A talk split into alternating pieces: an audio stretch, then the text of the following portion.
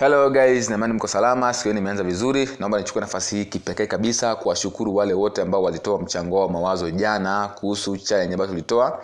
Hilo ni swali ambalo kila mjasiriamali litamkuta katika soko. Yaani kila mjasiriamali aijalishi unauza bidhaa ama huduma ama kitu chochote lazima hali kama hiyo itakukuta sokoni kwa sababu lazima atatokea mshindani ambao atakuwa na bidhaa kama ya kwako hiyo hiyo lakini yeye atauza kwa bei ya chini. Na atatokea mshindani ambao atakuwa na bidhaa bora kuliko ya kwako lakini atauza kwa bei ya chini vile vile kuliko ya kwako. Wewe kama muuzaji wa bidhaa huduma hiyo utafanya kitu gani?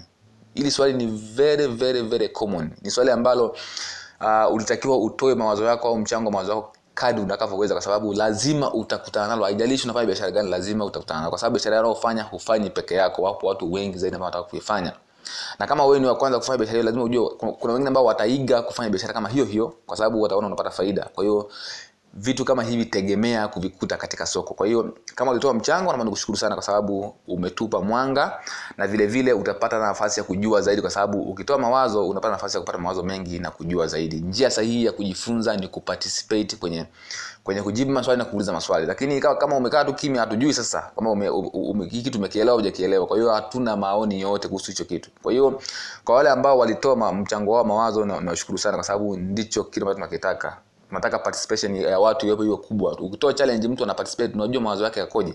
You see? Kwa hiyo kama ulitoa mawazo nakushukuru sana. Sasa na mimi nitoe mawazo yangu juu ya hicho kitu. Kwamba ikitokea hali kama hiyo nitakiwa ufanye kitu gani? You see? Kwa hiyo iko hivi. Endapo itatokea unauza bidhaa ama huduma katika soko husika. Akatokea mtu from nowhere au mshindani ambao humjui. Akawa anauza na yeye bidhaa kama hiyo hiyo. Alafu aka, ikatokea yeye akashusha bei zaidi yako wewe. Akashusha bei zaidi yako wewe akawa bei ya chini zaidi. Nini kifanyike?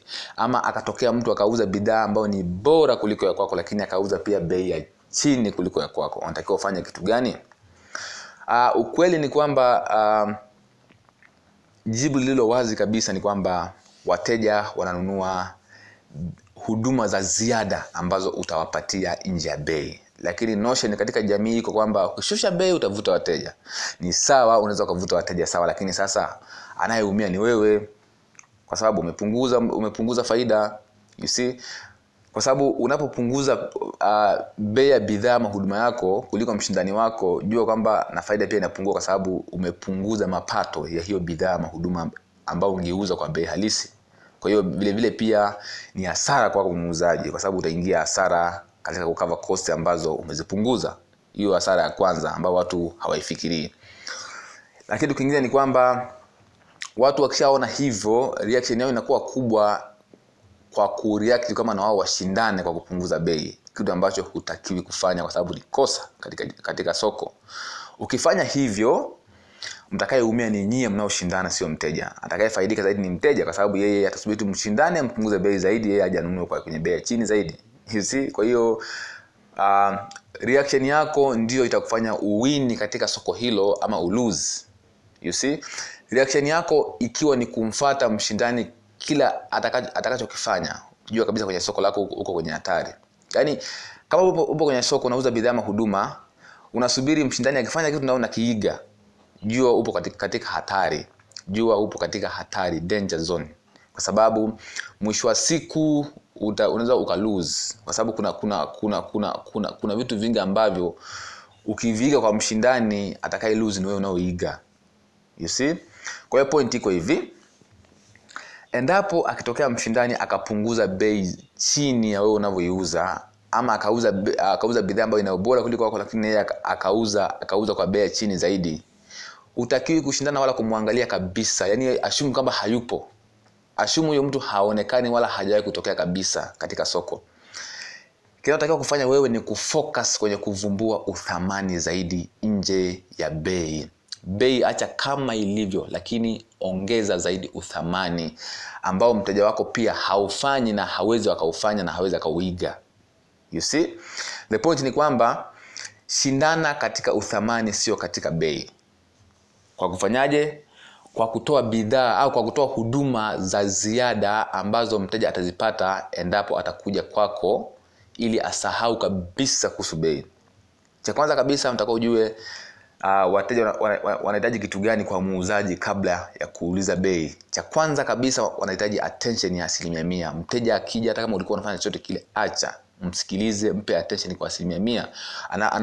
Anapoongea mwangalie machoni msikilize mpe attention yako yote. Kama si umepigwa basi wakati unaongea na mteja muombe ruhusa. Kwanza kabla hujapokea akikuruhusu pokea. Yaani mteja akishafika kwa, kwa jinsi kwamba yeye ndiye mtu special kuliko mtu yoyote yule katika sehemu hiyo ya biashara. Hicho kitu cha kwanza. Kwa hiyo toa wanasema give massive attention. Toa attention ya asilimia mia kwa mteja wako. Hiyo ni service. Hiyo ni huduma ambayo uh, ya ziada nje ya nini? Nje ya bei. Kitu kingine fanya follow up kwa wateja wako wafanyie follow up wateja wako. Na vile vile jua matukio muhimu ya wateja kama birthday you see anniversaries kwa sababu ikitokea siku za sikukuu eh, watumie kuwa wa kwanza kabisa kuwatumia wishes you see. Kwa hiyo wateja wa, waone muda wote unawawaza muda wote wapo kwenye akili yako. Yaani unatoa zile huduma za ziada ambazo washindani wako watasahau kuzitoa kwa sababu wao watategemea kwenye bei zaidi lakini kumbe wateja kitu ambacho wanakifata sio hicho wanafata huduma za ziada ambazo watazipata nje ya bei. Kwa sababu wateja wanafata mtu tunasema you are in the people's business upo katika biashara ya watu sio biashara ya bidhaa. Sasa wanaopunguza bei wanaamini kwamba wateja wanafata bidhaa na au au bei ya chini lakini kumbe upo katika biashara ya watu. You see wateja wanafata ile relationship iliyopo kati yako na wao ile kea unaowapa baada ya kufika katika sehemu yako ya biashara ndicho kinachofuatwa zaidi. Kwa hiyo wewe egemea zaidi kwenye u, kwenye uthamani wa huduma sio bidhaa sio bei. Kwa hiyo wanasema wanasema uh, wanasema value proposition ndicho kitu ambacho natakiwa ukifanye. Maana yake ni kwamba egemea zaidi katika uthamani kuvumbua uthamani zaidi na kutoa vitu ambavyo vitamfanya mteja aone ni mtu wa thamani katika biashara yako. Basi umemaliza. Kwa hiyo hahitaji kushindana si unapunguza nawe bei. No. Vumbua uthamani. Vumbua uthamani tu. Yani siri ni kuvumbua uthamani tu kwa kutoa huduma za ziada nyingi zaidi kuliko kupunguza bei. Bei kama ilivyo wewe ongeza thamani zaidi ya vitu ambavyo mteja anavipata nje ya bei ndicho kitu ambacho mteja anakinunua wala sio bei ya bidhaa ama huduma. Kwa hiyo ukifanya hivyo utakuwa umedominate sekta utakuwa umedominate utakuwa umeteka soko. Watu watashangaa. Ndio maana unashangaa point iko hivi. Nikupe mfano mmoja.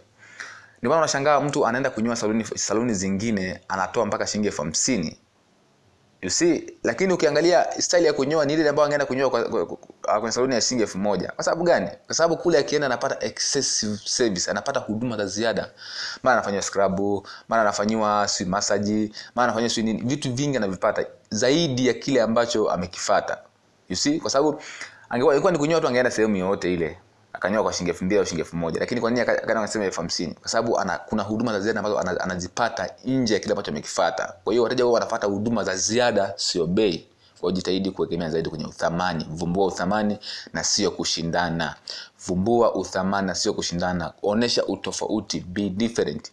Differentiate yourself. Jitofautishe na wao kwa kutoa uthamani zaidi wa huduma na sio kupunguza bei ya bidhaa ama huduma yako. Kwa hiyo hiyo ndio siri iliyopo katika soko. Endapo utakutana na situation kama hiyo fanya hivyo. Wala usiwaze kabisa kuhusu kupunguza nawewe bei kumwiga mshindani wako kwa sababu utaluzi fanya hivyo itakusaidia sana. Asanteni sana